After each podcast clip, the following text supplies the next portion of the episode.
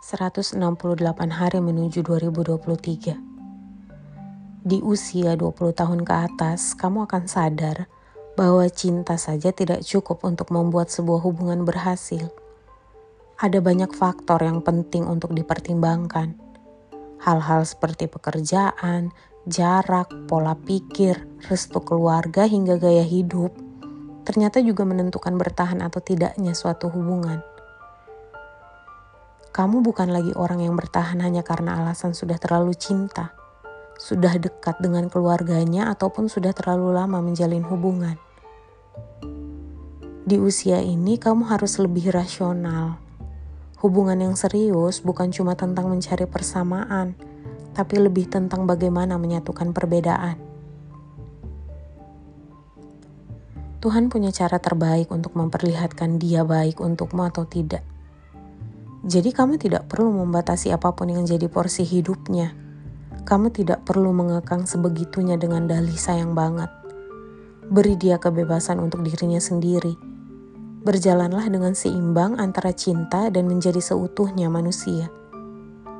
Biar ku beritahu, kamu tidak punya kuasa membatasi hidup seseorang untuk tidak tergoda dengan apa pun. Tapi kamu punya kuasa untuk membatasi dirimu sendiri untuk tidak tergoda dari apa pun. Tidak akan menikahimu lelaki yang setiap malam menanyakan apa baju yang kau pakai, sudah makan atau belum, juga ia yang setiap hari hanya meminta untuk mengirim foto-fotomu.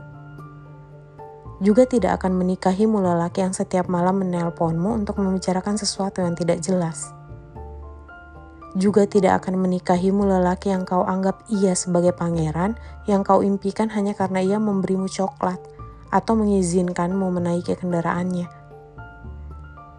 Tidak akan menikahimu lelaki yang hanya mempermainkan perasaanmu dan menjadikanmu sebagai pelampiasan syahwat dan nafsunya. Ringkasnya, yang akan menikahimu adalah seorang lelaki yang menyimpan cintanya dalam hati kemudian mengungkapkannya di malam ketika engkau sudah halal baginya. Jangan engkau berjalan di belakang cinta dengan alasan engkau membutuhkan sebuah perhatian. Jangan sampai engkau kehilangan harga dirimu.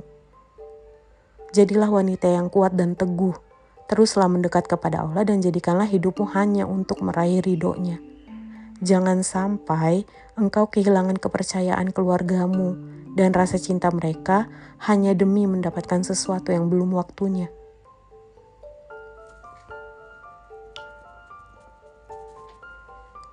Cari yang sepadan, yang jalan pikirannya bisa kamu terima, yang cara berbicaranya kamu sukai, yang ketika dia melakukan hal-hal yang nampak aneh, tapi kamu bisa menganggap itulah beda dia dari lainnya.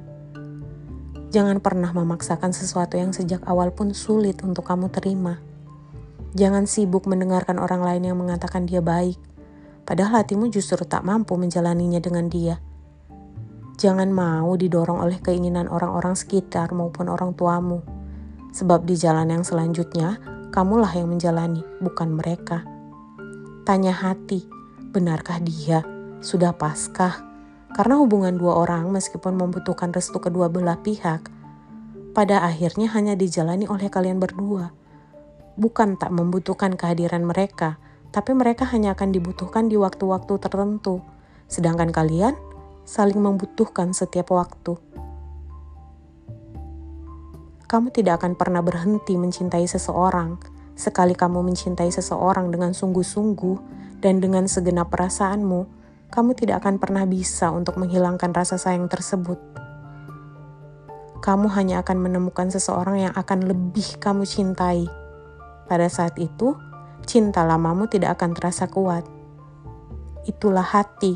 Ia tidak akan pernah membiarkanmu melupakan sesuatu yang pernah membuatmu bahagia.